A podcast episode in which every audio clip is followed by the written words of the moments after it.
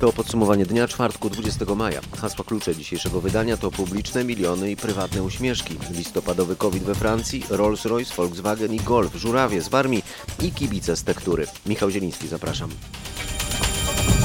Zaczynamy od czarnego rekordu w polskiej gospodarce. W kwietniu zniknęło z niej 153 tysiące miejsc pracy, podał Główny Urząd Statystyczny.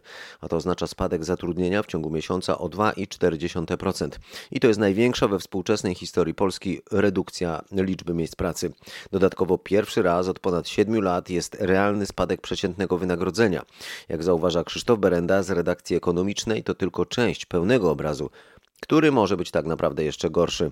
Tak, a to dlatego, że Główny Urząd Statystyczny bada tylko sytuację w firmach zatrudniających co najmniej 10 pracowników, a to oznacza, no, z racji jakości krajowej statystyki, że nie wiemy, co dzisiaj dzieje się w firmach mniejszych, takich jak restauracje, bary, hotele. Przecież tam też mieliśmy bardzo dużą falę zwolnień.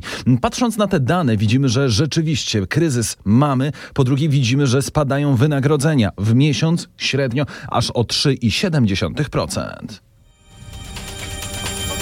5 milionów przypadków zarażeń COVID-19 odnotowano na całym świecie. Jak podaje Światowa Organizacja Zdrowia, odnotowano dziś najwięcej przypadków od początku epidemii 106 tysięcy. Zmarło 330 tysięcy osób. Ponownie rośnie liczba potwierdzonych testami zakażeń koronawirusem w Polsce. Ta liczba zwiększa się już trzeci dzień z rzędu. Dziś odnotowano 471 przypadków i to jest czwarty w kolejności z najgorszych dni od początku epidemii. W sumie liczba zakażonych zbliża się do 20 tysięcy, a liczba zmarłych w Polsce do tysiąca. Podsumowaniu dnia wracamy teraz do relacjonowanych w poprzednich wydaniach tego podcastu zarzutów wobec ministra zdrowia. Według prasy Łukasz Szumowski, będąc wiceministrem nauki, pozbył się na rzecz żony udziału w interesach swojego brata Marcina, a jednocześnie to samo Ministerstwo Nauki miało wpływ na przyznawanie dotacji, z których korzystały m.in. firmy, w które inwestował brat. Opozycja domaga się w związku z tym wyjaśnień i nadal atakuje ministra w związku z inną sprawą zakupu z pośrednictwem znajomego instruktora narciarstwa maseczek z Chin za 5 milionów złotych, które okazały się nie spełniać norm. Zresztą jak znaczna część koronawirusowego importu z Chin, nie tylko do Polski.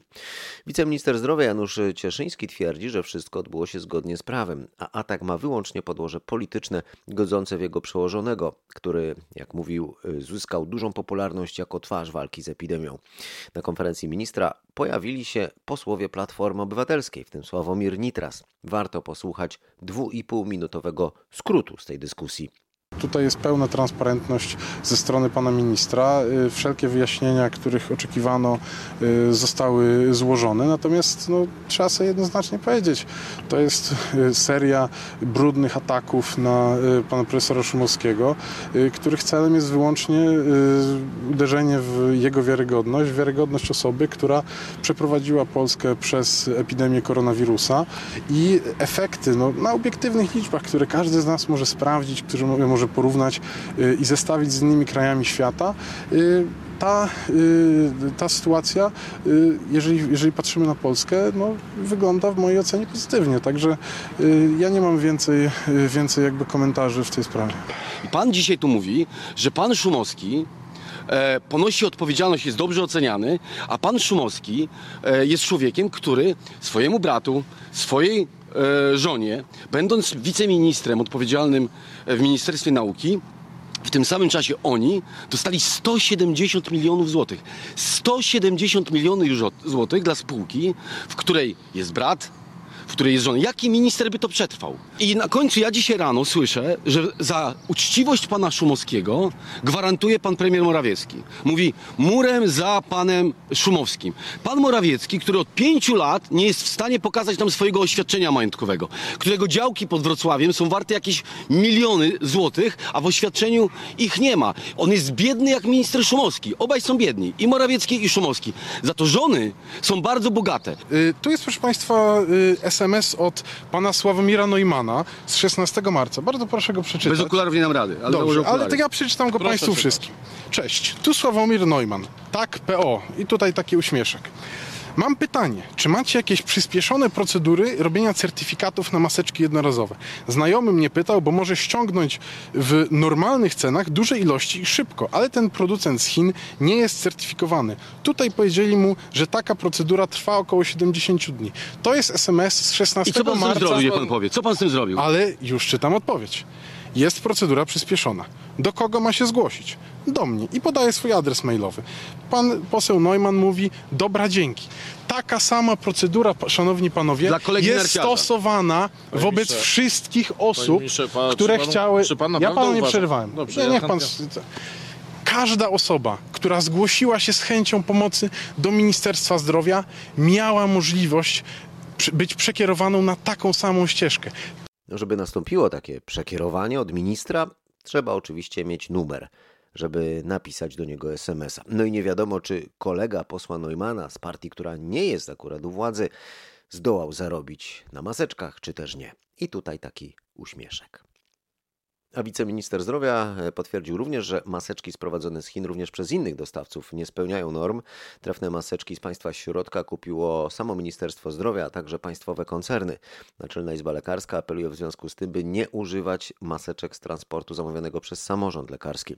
E, Mariusz Piekarski o tym, ile maseczek sprowadził samorząd. W sumie nawet 5 milionów, ale większość to maseczki chirurgiczne, które mają inne zastosowanie i nie były dostarczane jako chroniące przed wirusami. Takich teoretycznie antywirusowych FFP sprowadzono około 1,5 miliona i jak pokazały najnowsze badania w Instytucie Ochrony Pracy nie spełniają norm i trzeba je wycofać, bo w przeciwieństwie do maseczek kupionych przez resort zdrowia poprzez instruktora narciarstwa, maseczki zamówione przez izby lekarskie były już rozprowadzone przez okręgowe izby. doprowadzić do tego, aby wszystkie takie maski, które y, są już w dystrybucji, wróciły do naszego magazynu. Tak mówi wiceminister zdrowia Janusz Cieszyński i zapewnia, że resort zdrowia wymieni lekarzom wadliwe maski. Teraz Naczelna Izba Lekarska sprawdza tylko gdzie i ile trefnych maseczek trafiło i ile zostało już wykorzystanych. Warszawa, Mariusz Świekarski. Komisja Europejska będzie domagać się od chińskiego producenta wymiany maseczek, które już kilka unijnych krajów uznało za niespełniające standardów. Dowiedziała się nieoficjalnie nasza korespondentka w Brukseli. Chodzi w sumie o półtora miliona maseczek ochronnych, które trafiły do 17 krajów, w tym, jak wspomniałem, do Polski. Minister zdrowia Łukasz Szumowski informował, że partia dostarczona Polsce nie spełniała żadnych norm. Katarzyna Szymańska-Borginą powie, jak na jej pytanie zareagował przedstawiciel Unii Europejskiej. Oficjalnie rzecznik Komisji Europejskiej przekazał mi, że Bruksela czeka jeszcze na informacje w sprawie masek od innych państw członkowskich. Na razie po Polsce i Holandii. Także Belgia stwierdziła, że dostarczone w ramach unijnego mechanizmu wsparcia maski nie spełniają norm, które zostały określone w certyfikatach. Także Austria ma wątpliwości. Ostateczna decyzja zostanie podjęta, gdy będzie całkowita jasność co do jakości masek, twierdzi rzecznik Komisji, ale przyznał, że wycofanie produktów i zastąpienie ich przez wykonawcę jest jedną z opcji. Mechanizmy naprawcze są obecnie analizowane, przekazał rzecznik. W ciągu dwóch tygodni mamy poznać ewentualne decyzje dotyczące znoszenia obowiązku zakładania maseczek na zewnątrz. Jak widać w ostatnich tygodniach na polskich ulicach, niektórzy przywiązują do, ni- do nich y, dużą wagę. O tym, jakie maseczki wybierają mieszkanki Szczecina, pytała nasza reporterka Aneta Łuczkowska. Czy one mogą być ładne, te maseczki? Bardzo ładne i praktyczne, bo mogę uprać, uprasować i dalej chodzić. Bo są czasem pomysłowe maseczki, prawda? Y, No, no są, ale czy to potrzebne jest? No chyba chronić jakoś nas, ale że no czarna, uniwersalna, czy w jakimś tam jednolita, dzieci Zawsze modne. kolorowe, mm, da się wytrzymać. Jeżeli by zostały z nami dłużej, to można by się na przykład pobawić jakoś kolorystycznie, nie? No pewnie tak, ale mam nadzieję, że jednak nie zostaną. A teraz jeszcze o maseczkach, ale już zupełnie nietypowo. Ślub w czasie pandemii nie musi oznaczać rezygnacji z wyjątkowej i pięknej oprawy uroczystości. Dodatkiem do sukienki mogą stać się maseczki, przekonuje w rozmowie z RMFFM Beata Tyborowska, organizatorka ślubów. Albo jak się to dzisiaj mawia z angielska, wedding planerka. Zrobiliśmy fajną kolekcję masek pasujących do różnych e, stylów sukienki, do różnych ślubów, bo tak jak wymarzyły sobie panny młode, tak mniej więcej w to idziemy, chociaż jest to bardzo ograniczone, bo nie wszystko możemy zrobić, ale ta sukienka, która już wcześniej była zamówiona, była w domu, do tego fajna maska, piękne atłasy, no wszystkie te tkaniny, które e, mamy w sukniach ślubnych. Pan młody w fajnej masce, świetny makijaż oczu można zrobić, wtedy pani młoda wygląda pięknie, tajemniczo. Może być tak, że stworzymy komplet i bardzo fajny komplet powstał z super e, żakardów, że pan młody ma e, taką klasyczną maseczkę e, z żakardu bez żadnych dodatków, pani młoda już w tej maseczce ma jakieś dodatki, koronki, a pan młody dodatkowo może mieć w tym samym stylu, z tego samego materiału muchę. Też to świetnie wygląda. Piękne komplety. Szymon Hołownia w maseczce pochwalił się nowym spotem wyborczym, mimo że obecnie nie ma kampanii. Po odwołanym głosowaniu 10 maja przed ogłoszeniem nowej daty wyborów komitety wyborcze nie powinny funkcjonować. Patryk Michalski mm, o tym, że w tej kampanii, nie kampanii, również inni politycy prowadzą agitację. To prawda, robią to niemal wszyscy ubiegający się o urząd prezydenta, jednocześnie tworzą fikcję, tłumacząc, że to nie kampania, co jest kuriozalne. Dziś Szymon Hołownia wprost chwali się spotem wyborczym sfinansowanym z pieniędzy komitetu, który jednak mógł działać do 10 maja. W nagraniu słyszymy też o akcji rozwieszania billboardów, choć obecnie to również zakazane. U nas kwarantanna rozluzowała i mamy teraz już normalne akcje rozwieszania paneli. Komitet Szymona Hołowni twierdzi, że spot został zrealizowany i opłacony jeszcze przed 10 maja. Problem w tym, że obecnie kampanii nie ma, więc spot mógł być pokazany przed 10 maja albo dopiero po rozpoczęciu nowej kampanii. Zdaniem epidemiologów nie jest możliwe wydanie pełnej opinii na temat ustawy o przeprowadzeniu wyborów częściowo tradycyjnych, a częściowo korespondencyjnych. Pracujący nad e, taką ustawą Senat otrzymał opinię Polskiego Towarzystwa Epidemiologów i Krajowego Konsultanta do spraw epidemiologii. Na ich podstawie trudno jednak ocenić ryzyko stwarzane przez przeprowadzenie wyborów. Zdaniem Zarządu Głównego Polskiego Towarzystwa Epidemiologów bez określenia terminu planowanych wyborów nie da się nawet w przybliżeniu określić sytuacji epidemiologicznej Polski w tym czasie. Lekarze zwracają też uwagę, że ustawa odsyła do szczegółów w nieopublikowanych jeszcze rozporządzeniach. Uznają więc ogólnie, że w regionach, gdzie odnotowane będą przed wyborami pojedyncze zachorowania, należy w lokalach wyborczych stosować zwykłe zabezpieczenie rękawiczkami, maseczkami i wskazane jest używanie przy urnach własnych długopisów. W rejonach z dużą liczbą zachorowań z kolei odsyłają do pełnych zaleceń obejmujących pracę w kombinezonach epidemicznych. Krajowy konsultant do spraw epidemiologii także pisze, że dopiero podanie daty wyborów pozwoli na opracowanie wytycznych związanych z wyborami. Podsumowując, epidemiolodzy twierdzą, że w obecnej sytuacji ustawa w przedstawionej formie nie pozwala określić ryzyka zarażenia wirusem zarówno członków komisji, jak wyborców. Warszawa Tomasz Skory. Przed wyborami, rzecz jasna, szczególną rolę mają do odegrania media. To one pozwalają przecież zapoznać się wyborcom z poglądami i obietnicami kandydatów. To one służą też do prowadzenia wspomnianej kampanii wyborczej. Bywa tak, że niektóre media w tym czasie sprzyjają mniej lub bardziej którejś ze stron. Między innymi o tym właśnie rozmawiał dziś z wicepremierem i ministrem kultury w porannej rozmowie w RMFFM Robert Mazurek. Jego rozmówca wcale nie zaprzeczał temu, że publiczne media nie pełnią roli bezstronnej, obiektywnej. Każda władza wykorzystuje media publiczne, przyznał nawet Piotr Gliński. Tak odpowiadał w porannej rozmowie na pytanie o uzależnienie publicznych mediów od obecnych władz. No, każda władza niestety po trzecim, e, po, po, po 89 roku wykorzystywała media publiczne. Wy też? Ponieważ to jest narzędzie, które jest istotne w demokracji, zwłaszcza gdy nie ma zrównoważonego rynku medialnego. A w Polsce takiego rynku zrównoważonego nie ma. Każda władza po 1989 roku wykorzystywała media publiczne, mówi pan. Panie premierze, to pan pozwoli, że zadam to pytanie. Czy wy wykorzystujecie media publiczne? To jest zupełnie oczywiste. No. Że wykorzystujecie? Nie, że największa propaganda polityczna, jaka w Polsce funkcjonuje po 1989 roku, jest związana z dużą gazetą codzienną, którą pan zna i ja znam, i z dużą stacją telewizyjną, która od 20 lat jest bardzo y, y, silnie zaangażowana w propagandę polityczną. Dobrze. To pan pozwoli, że ja wrócę do pytania, które już raz postawiłem, ale pan zapomniał zapewne odpowiedzieć. Otóż powołując się na słowa profesora Piotra Glińskiego, iż każda władza po 1989 roku wykorzystywała media publiczne, pozwolę sobie wicepremierowi Glińskiemu zadać pytanie, czy ta władza również wykorzystuje media publiczne? Yy, jakby tu panu powiedzieć, no był, sam bym sobie zaprzeczał. Tak, my, oczywiście nie, nie, nie, przecież trudno jest ukryć to, że media publiczne są w jakimś sensie związane z władzą polityczną. I tak zawsze było, więc nie bądźmy hipokrytami. No. Pewnie byłaby idealna sytuacja, gdybyśmy nie mieli zaszłości postkomunistycznych w Polsce, gdybyśmy mogli formować model mediów w pełni no, niezależnych od funkcjonowania polityki. Tak nie jest. No. I, I, wszyscy przecież widzimy, że tak to funkcjonuje. No. Mówił Piotr Gliński. Całą rozmowę jak zwykle znajdziecie na rmf24.pl. A ja dodam jeszcze tylko, że RMFFM zajmuje najwyższe pozycje w rankingu zaufania odbiorców. Co ważne, szczególnie przed wyborami. A teraz o wyborach za oceanem. Nasz amerykański korespondent y, informował w środę o tym, jak epidemia coraz mocniej odbija się na kampanii wyborczej.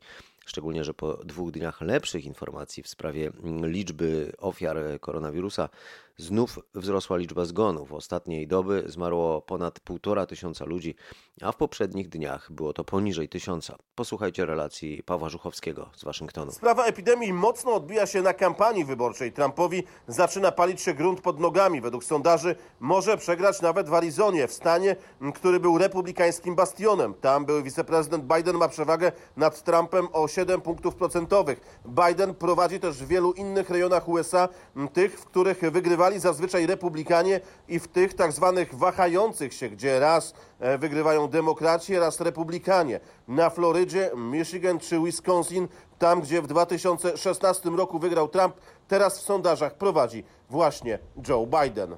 A Donald Trump, jak już informowaliśmy, cały czas krytykuje Chiny w związku z pandemią. Niekompetencja Chin i nic innego doprowadziła do masowego światowego zabójstwa, napisał amerykański prezydent na Twitterze. Stosunki między Waszyngtonem i Pekinem rzeczywiście coraz mocniej się zaostrzają. Y, amerykański kongres zatwierdził przepisy, które mogą stać się pierwszym krokiem do odcięcia chińskich firm do finansowania za pośrednictwem amerykańskiej giełdy. Chińskie władze protestują po tym, jak amerykański szef dyplomacji Mike Pompeo pogratulował tajwańskiej prezydent reelekcji. Na Chiny uważają Tajwan za swoją zbuntowaną prowincję. Z kolei izraelska prasa opisuje, jak Waszyngton kategorycznie żąda od władz tego kraju zerwania współpracy technologicznej z Chinami. I relacjonuje, że podobną presję amerykańskie władze wywierają na wszystkich swoich sojuszników. Tymczasem we Francji już po raz kolejny ogłoszono, że do pierwszego potwierdzonego przypadku zakażenia koronawirusem doszło wcześniej niż uważano. Naukowcy ustalili, że COVID-19 pojawił się we Francji już w połowie listopada, czyli w tym samym czasie mniej więcej, kiedy zaczęto mówić o pierwszych przypadkach w Chinach. Analizując rezultaty badań tomograficznych płuc pacjentów ze szpitala w Kolmar w Alzacji odkryto, że pierwsze przypadki zmian chorobowych wskazujących na zarażenie koronawirusem zostały tam stwierdzone u dwóch osób już 16 listopada, czyli jeszcze przed doniesieniami epidemii w rejonie Wuhanu. Nie wiadomo na razie, czy te dwie osoby odbyły przed zachorowaniem podróż do Chin. Niektórzy komentatorzy sugerują jednak, że odkrycie pierwszych przypadków zarażenia koronawirusem we Francji w połowie listopada może świadczyć, że w praktyce epidemia w rejonie Wuhanu mogła się rozpocząć wcześniej, choć na początku w sposób sposób trudny do zauważenia, niż oficjalnie podają to władze w Pekinie. Relacjonował z Paryża Marek Gładyż, a teraz przenosimy się na drugi koniec Europy. Do Moskwy rosyjskie władze na polecenie Władimira Putina mają przygotować plan wyjścia z kryzysu i powrotu do normalności po pandemii. Liczba zakażonych w Rosji przekroczyła 300 tysięcy, ale notuje się jednocześnie coraz mniej nowych przypadków. Z Moskwy Przemysław Marzec. Występując przed Radą Federacji wicepremier Tatiana Golikowa ujawniła, że w Rosji pracuje się nad 47 różnymi szczepionkami. Pięć preparatów przeciwko koronawirusowi przechodzi obecnie badania kliniczne. Rosja, zdaniem, uważa za niezwykle ważne masowe testowanie na obecność wirusa. Stan na 20 maja to przeprowadzone ponad 7 milionów badań laboratoryjnych na obecność koronawirusa. I wiecie, że Rosja jest, jeżeli chodzi o testy, absolutnym liderem na świecie. Absolutnym liderem w mierze. W Rosji po raz pierwszy liczba wypisanych ze szpitali jest wyższa niż nowych chorych. Koncern Rolls-Royce zapowiada redukcję 9 tysięcy miejsc pracy. To bezprecedensowa decyzja w historii tej brytyjskiej firmy. Podyktowały ją okoliczności związane z pandemią. Nasz korespondent w Londynie Bogdan Frymorgan zauważa jednak, że najbogatsi nie muszą się wcale obawiać, że nie będą mieli czym jeździć. Dotyczy to zakładów produkujących silniki samolotowe. To znacznie większy rynek dla Rolls-Royce'a niż motoryzacyjny. Łącznie na świecie firma zatrudnia ponad 50 tysięcy ludzi, z czego dwie trzecie w Wielkiej Brytanii. To skutek pandemii koronawirusa na funkcjonowanie lotnictwa pasażerskiego, mówi dyrektor naczelny Rolls-Royce'a Warren East. Jego zdaniem miną długie lata, zanim przemysł ten powróci do stanu z początku bieżącego roku. Brytyjska firma wysłała 4 tysiące swych pracowników na przymusowy płatny urlop.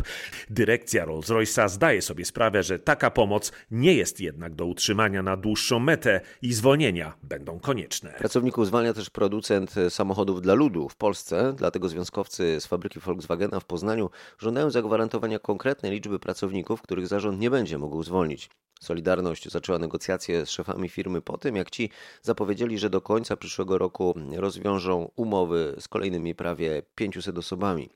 Mateusz Chłystun podaje, że zwolnienia mają dotyczyć aż czterech zakładów. Chodzi o odlewnie na poznańskiej Wildzie, zakłady w Antoninku i w Swarzędzu oraz fabrykę we Wrześni. Redukcja zatrudnienia o łącznie aż 750 stanowisk w tych zakładach. Zarząd zapowiadał już w ubiegłym roku, tłumacząc to m.in. automatyzacją produkcji, ale też pogarszającą się sytuacją branży motoryzacyjnej. My domagamy się gwarancji zatrudnienia określonej liczby pracowników. Podobnie jak to zrobili koledzy w niemieckich zakładach, podpisując tak zwane pakty przyszłości. Proponujemy różne narzędzia, czy to sterowanie czasem pracy, przejęcie również zewnętrznych jakichś aktywności, które nawet mogłoby się okazać tańsze. Wyjaśnia szef Solidarności przy Volkswagenie w Poznaniu Piotr Olbryś, który zapewnia też, że związek walczy także o to, by liczba etatów, które zarząd zamierza zredukować, była mniejsza.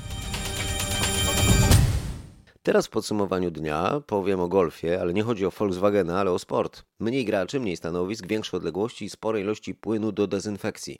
Tak wygląda rzeczywistość na polach golfowych, z których można już ponownie skorzystać w ramach odmrażania sportu. Monika Kołowrotna z Golf Park Poland powie o tym, jak się gra w tę grę w czasach pandemii. Przyjeżdżając na obiekt, każdy zachowuje odległości, najlepiej co drugie stanowisko parkingowe. Każdy musi zdezynfekować ręce i tych płynów do dezynfekcji jest mnóstwo. Kosze, w które są nasypywane piłki, są dezynfekowane co najmniej co pół godziny. Chętnie wszyscy wracają, bo jest to sport na świeżym powietrzu. Czy respektują zasady? Tak. Wszyscy zwracają uwagę na wszystkie reguły, które zarówno my jako obiekt wysyłamy w newsletterach, jak i też Polski Związek Golfa. Na liście otwartych ponownie obiektów są też biblioteki, choćby Biblioteka Śląska w Katowicach. A to było możliwe dzięki zniesionym od poniedziałku kolejnym zakazom. Czytelnicy nadal muszą się tam jednak liczyć z ograniczeniami. Biblioteka otwarta jest krócej, zamknięta jest czytelnia i trzeba przestrzegać reguł sanitarnych. Ale i tak miłośników książek nie brakuje, o czym przekonał się nasz reporter Marcin Buczek. Można się stęsknić. E, jeszcze tym bardziej jak pisze się pracę licencjacką, no to e, są potrzebne te książki. Niestety była zamknięta, no ale rozumiemy jakaś sytuacja obecnie. Dwie torby pełne książek. Y, tak, ponieważ ja się lubuję w komiksach, a to są przeważnie duże książki. Yy no, zajmujące ciężkie i duże, opowiem tak, zajmujące dużo miejsca na półkach i tutaj też. Stęskniłam się za biblioteką i będę dalej teraz uczęszczać, jeżeli będzie można. To jest Pani przyjście do biblioteki po jakim czasie? Dwa, dwa miesiące. Czytelnia by się jeszcze tylko przydała. O, przydałaby się, przydałaby się, żeby usiąść, na spokojnie poczytać, skupić się, żeby nie brać tej pracy do domu, że tak powiem. Środa była też pierwszym po dwóch miesiącach przerwy dniem, w którym można było odwiedzić krakowski ogród zoologiczny. A na zwiedzających czekali m.in. nowi lokatorzy zoo, o czym powie Teresa Grega z Krakowskiego Ogrodu Zoologicznego. W tej chwili mamy już młode, oczywiście, że się urodziły, są młode, jest młody jeleń milu, y, są młode antylopy eland, są młode antylopy y, koblici, sitatungi, y, jest młody renifer, młody wielbłąd, także zwierzęta młode już się zaczęły pojawiać na wybiegach, głównie u zwierząt kopytnych, no i na, jak Państwo będą chodzić po alejkach, nad stawami, proszę wypatrywać ptaki, które siedzą na jajach. W najbliższym czasie spodziewamy się też młodych już będą się powoli wykluwały.